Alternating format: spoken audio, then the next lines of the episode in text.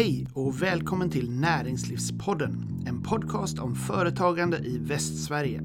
Jag heter Rudolf Antoni och är regionchef på Svenskt Näringsliv. I detta avsnitt beger jag mig till ett av Svenskt Näringslivs många små och medelstora medlemsföretag. Ett småländskt familjeföretag i tillverkningsindustrin. Jag vill veta hur de har upplevt coronakrisen, hur och varför de engagerar sig i politisk påverkan och hur de ser på situationen just nu. Som för de flesta av oss kräver livet sitt pusslande, vilket definitivt är något som gäller den som driver ett eget företag. Därför fick nästa generation i familjeföretaget sitta med under intervjun.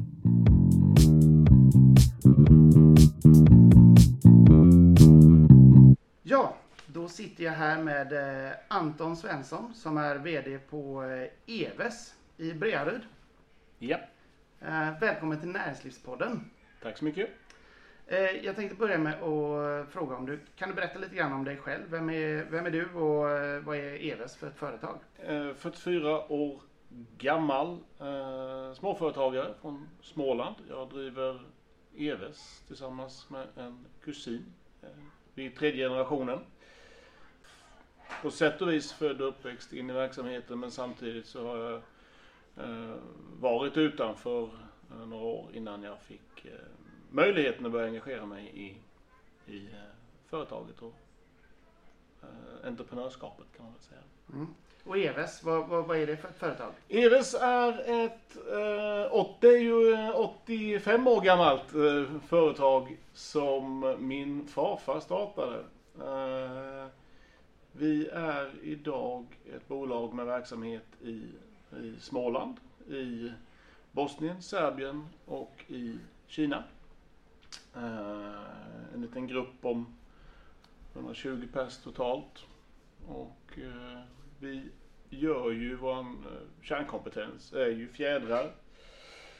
Men det har ju utvecklats mer och mer kring att vara eh, komponenter med fjädern i centrum. Vi har ju, jobbar ju väldigt hårt med att kunna, som jag kallar det för, att klä på produkten och leverera en, en sammansatt komponent till våra kunder. Det har vi jobbat med under många år. Men eh, eh, har väl under de senaste tio åren kanske fått ett, ett mer och mer genomslag ute hos våra kunder. Mm, ett, ett företag i tillverkningsindustrin eh, under Ja. utveckling kan man säga. Oh ja, vi har ju eh, aldrig valt att stanna upp utan vi har ju velat fortsätta utveckla. Och det är inget unikt. Det är väldigt många... Eh, du, du klarade inte det i 85 år genom att tro att du har hittat nyckeln till framgång och sen så håller vi fast vid det, här utan man måste hela tiden skruva på på verksamheten, på vad man ska erbjuda och eh, lite på resurserna framförallt. Och eh, lägger vi stor tyngd på vår personalsida och eh, självklart våra maskiner. Som ett företag under utveckling då, det, man, man kan väl se att vi är inne i en period då eh, man har tvingats till förändring och utveckling. Vi är inne i eh, coronakrisen som har drabbat företag på väldigt eh, bred front. Hur har Eves eh, påverkats? Nej men eh, jag har nog tidigare, tidigare refererat till, till vårt DNA. Så krisen ligger ju lite i vårt DNA. Vi startades 1935. Eh, då var min farfar uppsagd. Du hade en eh, värld som stod på randen till, till ett kommande världskrig, ekonomisk eh, situation som inte var så gynnsam. Jag ska väl inte säga att vi går igång på, på krislägen men det är på inget sätt som så att vi går ner och lägger oss i fosterställning och gråter utan nu så gäller det ju att ladda och eh, se över vad vi kan, kan göra utav situationen. Eh, och det, det är väl återigen ganska småländskt. um, sen hade vi en enorm fördel i det med att vi kom in i krisen uh, eller i coronasituationen utifrån ett, ett rationaliseringsarbete och ett utvecklingsprogram som var redan igångstartat. Så jag, jag, uh, jag tror väl att det inte var allt för många utav mina bolag i närheten här som jag känner till som, som hade en riktigt lika gynnsam situation. Vi hade en bra likviditet och vi hade en bra eh, situation vad det gäller vår personal. Vi hade ingen övertalighet. Nej. Skulle du säga att ni har dragit några lärdomar utav hur den här krisen har påverkat er och hur ni har anpassat er efter den? Ja, jag, har, jag vill ju betona transparens. Det har jag ju tagit min personal eh, väldigt mycket. Eh, att vi är transparenta och tydliga med eh, utmaningar som verksamheten och bolaget har. Att inte det hålls inom en, en ledning eller ledningsgrupp utan man faktiskt är väldigt tydlig och förmedlar det här och försöker få alla medarbetare, nu är vi 60 stycken inom de här väggarna liksom i, i Sverige. Eh, så det är ganska lätt att få dem med på, på banan.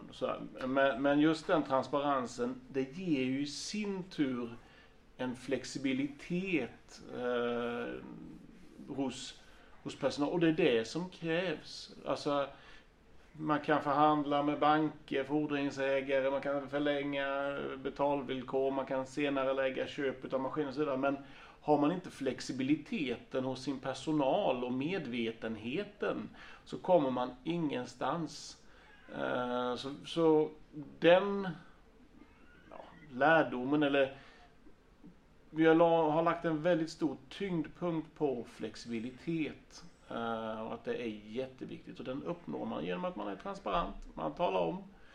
Eh, och det kan vara allting ifrån att vi under våren här hade ju satt i ledningsgrupp varje dag. Eh, en kortare stund. För att sen eh, respektive, jag har en ganska stor ledningsgrupp.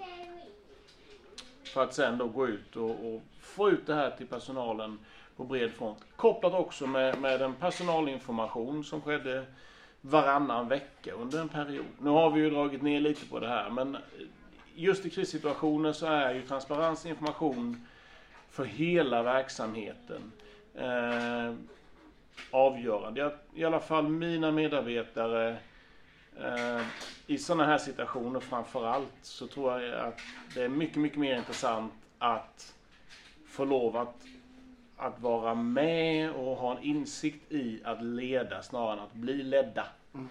Eh, styrkan som vi har onekligen i det svenska företagandet, i det svenska småföretagandet, en närhet till vår personal. Inte för det för att det ska bli en, en, en polsk riksdag utav det hela utan att därför att eh, har vi ett gemensamt mål och vill så är det inga problem för mig att, att låta min personal Eh, komma fram och vara väldigt, väldigt delaktiga hur vi, hur vi utvecklar och tar oss an, framförallt då under Corona. Mm. Du var nyligen med och anordnade ett möte med politiker om hur näringslivet och politiken gemensamt måste börja planera för framtiden. Ja. Eh, varför gjorde du det nu och vad tycker du ni fick fram av mötet? Men jag har ju både förtroendet att få, få sitta numera då i Teknikföretagens styrelse och jag sitter ju då även sedan några år tillbaks med i, i eh, SME-kommittén under Svenskt Näringsliv, små och medelstora företagare. Där måste man ju ta uppdraget på allvar och i det uppdraget så uppgår det, ingår det ju också att, att eh, på något sätt bilda lite opinion eller försöka förflytta eh, tanken lite hos våra politiker. Eh, jag insåg ju att eh, jag hade lite kontakter med, med den, eh, just den gruppen, det partiet, eh, just då och insåg att de var ju på sommarlov. Så det är ett jättebra tillfälle att kapa och försöka få hit dem. Vi går inte på sommarlov, svensk industri går inte på sommarlov, det gör inte politiken heller. Men så det fanns både möjligheter och det ingår i mitt lite större uppdrag i, i de organisationer jag är engagerad som, som företagare. Mm. Eh, var, var det ett givande möte skulle du säga? Ja, det tycker jag. Det var ett givande möte. Eh, det är alltid ett givande möte där vi får lov att visa verkligheten. Och då gäller det ju för företagare. Jag hade ju med mig också en av våra eh, lokala företag som inom besöksnäringen för att vi skulle få lite tyngd och, och eh, också legitimitet. Eh, jag tror att industrin är hyggligt bra på att knacka på dörren hos politikerna och så, ja. Men, men blandar man upp erfarenheten med industrin, hur de har haft det tillsammans med besöksnäringen, så ser man ju större trender och jag tror att det fastnar kanske mer hos, eh, hos de här politikerna. Och eh, Nej, det var, var ett bra genomslag. Framförallt så tror jag vi fick gehör kring, kring frågan vad det gäller de utbildningar som, som finns nu. Yrkeshögskolan framför allt och att man, eh, man har ett fungerande system som man kanske inte ska lockas som politiker att ta, ta och försöka trycka in en, en kommande arbetslöshet, en eventuellt kommande arbetslöshet, in i den här strukturen. Eh, och kanske fördärva någonting som funkar med någonting som bara fungerar halvbra.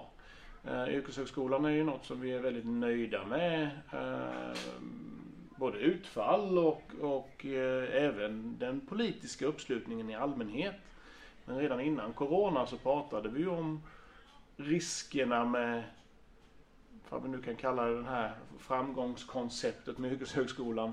Riskerna att man, man skulle vilja kapa den från politiskt håll för att använda den som en arbetsmarknadspolitisk åtgärd.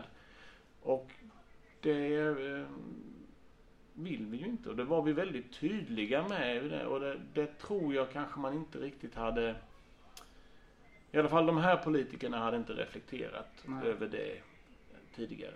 Så kan man bara ha med det kornet så var det en synnerligen lyckad eh, tillställning. Liksom. Om, om, vi lyfter perspektivet lite grann och talar om eh, små och medelstora företag i Sverige mm. idag. Vad, vad, tycker du är eh, de viktigaste frågorna för politiken att agera inom just nu? Tittar vi på svensk politik, och nu är jag, generaliserar jag självklart, men tittar vi på svensk politik och det spelar ingen roll vilken färg det är, så är det en politik som är alldeles för riggad utifrån de stora tio eller de stora fem. Det är namnkunniga stora exportföretag och så har man anpassat politiken utifrån det här. Eh, och det är ända sedan eh, industrialiseringen av Sverige så har man jobbat med, med stora byggklossar. Det är oerhört sårbart ifall man inte nu börjar inse att år 2020 så måste vi börja jobba med de små och medelstora företagen. För de har utvecklats eh, och förgrenat sig på ett annat sätt. Eh, det är inte som så att vi är beroende bara utav en stor kund. Eller det här resonemanget hur många småföretagare som sysselsatts utav en arbetare ute på, på Torslanda. För idag så har man sökt andra vägar. Titta på bara mitt eget bolag där vi har dotterbolag i, i, i Östeuropa som eh, vi exporterar genom. Eh, jag har en export utav vissa produkter till, till Kina eh, ifrån Sverige. Och det är lite jobbigare och lite mer ansträngande kanske att behöva komma ut med en delegation med, med småföretagare. Eh, för de ser affärer överallt. Mm. Än att åka ut och försöka eh, göra byteshandel med de, de stora fem mot respektive lands stora fem. Så att jag hade jag sett, velat se någon, någonting och det säger jag ju framförallt nu i spåret utav Corona i och med att vi har i Sverige, i och med att vi inte stängde ner förhållandevis ostörda försörjningskedjor så har vi ett övertag att komma ut i världen, i Europa, med produkter, sammansatta produkter. Jag har kunder i Tyskland, i, i norra Europa som man har uppvaktat under flera år. Man kanske har fått någon enstaka produkt men som kommer nu med hela liksom, batterier med, med förfrågningar därför att de får inte tag på sina produkter från de gamla försörjningskanalerna man hade ute i Europa. Som har stängts av eller kanske till och med försvunnit helt. Mm. Här har vi ett övertag. Det kommer vara momentant, det kommer vara under en period. Det kommer att vara ett övertag som jag ibland tänker att det här liknar nästan situationen efter andra världskriget när vi hade en oförstörd produktionsapparat. Mm. Mm. Men det sjabblade vi bort. Och jag vill ju inte att man ska sjabbla bort det här eh, från politiskt håll. Utan jag hade ju tyckt att det hade varit ganska tufft, kaxigt precis på det sättet som det ska vara när man gör affärer ifrån Sverige. Att nu säga, hörni, nu tar vi ett gäng med små och medelstora företag i handeln. Vi jobbar hårt med att på ett säkert sätt kunna komma ut och möta ja, bolag med behov ute i Europa? Hur kan vi göra för att säkra avtalen? Hur kan vi göra för att motarbeta protektionismen? Inte bara för att man ska fortsätta få lov att sälja bilar eller flygplan eller vad det nu må vara, utan för att faktiskt de här små och medelstora företagen i Sverige ska kunna få komma ut med sina produkter ut i Europa. Mm. Där eh, tänker jag ditt eh, engagemang här i, eh, du nämnde Svenskt Näringslivs SME-kommitté för små och medelstora företag. Mm. Där, där, spelar ju det en viktig roll att bli en samlad röst för, för den kategorin företag tänker jag. Mm. Du lägger ju ner en hel del tid på ditt engagemang där. Mm. Hur, eh, hur har du resonerat kring det? Det är ju tid som du skulle kunna lägga på din egen verksamhet egentligen. Fast det är ju i grund och botten tid jag lägger på min egen verksamhet också. Det, det finns ju många, och jag möter onekligen många företagare i, i, en liknande situation som tycker, men varför ska du engagera dig där? Eller varför ska du ut och prata med politikerna? De lyssnar inte ändå. Eller varför, varför, varför? Dels är jag uppfostrad med att säga ja. Eh, det är ju så mycket mer intressant att hoppa på och säga ja. Men eh, sen är det ju också så att kan jag förflytta förutsättningarna för samhället i allmänhet kommer jag ju också förflytta förutsättningarna för min, mitt bolag, min verksamhet. Och eh, all den kunskap och all den information som jag får och i den mån jag kan, inte alls som jag kan, men det jag kan ta med mig in i det egna huset. Det jobbar jag ju stenhårt med min min ledningsgrupp att, att eh, få ut och få in den kunskapen och kompetensen också. Då växer min ledning. Vi tittar inte bara på vad händer i ett väldigt liksom mikroklimat, men vi får ett makroperspektiv på vårt företagande. Och eh, jag ser inte någon konflikt egentligen. Och jag tror att det är fler som skulle tänka på det sättet. Det finns ingen konflikt i att engagera sig. Det finns ju det här talesättet, ska du ha någonting gjort så ska du fråga någon som har mycket att göra. Så det är egentligen ett, ett tips eller medskick till andra, andra företag att ja. det finns ett värde i att engagera sig. Framförallt så har man ju förmånen, det, jag brukar också säga att det är väldigt, väldigt lätt att sitta på läktaren och peka finger och tala om vad, vad, vad folk ska göra. Men de har ingen legitimitet. Är du med ute på plan i matchen då får du lov också att tycka precis vad du vill. Sista frågan. Ja. Hur ser framtiden ut för Eves? Som jag säger, vi, eh, vi tror ju alltid på framtiden. Eh, vi har ju mitt under brinnande coronakris investerat i maskiner för 6,5 miljoner, eh, vilket är ganska tufft för en, för en verksamhet. Men det gör vi ju i och med att vi tror på framtiden och vi tror på, på, eh, på möjligheterna. Eves har ju förmånen att ha en produkt, produkter och, och service som kommer att behövas i framtiden också. Fjädrar eh, behövs överallt. Utan fjädrar så stannar världen onekligen. Eh, så jag tror på en väldigt, väldigt bra framtid för våran del. Men och här finns ju alltid ett men. Eh, och det är ju den politiska ambitionen. Eh, vill man att bolag såsom Eves ska överleva och finnas kvar så krävs det ju eh, ett nytag.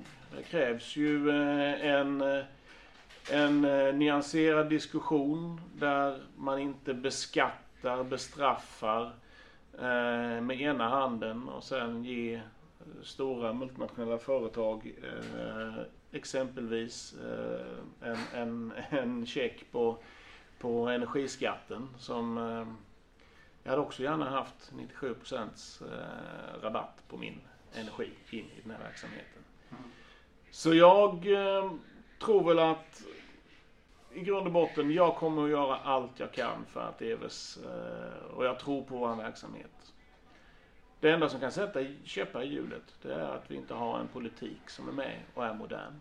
Och det gäller samtliga partifärger. Det får bli slutordet. Anton Svensson. Ja. Tack så mycket för att du medverkade i Näringslivspodden.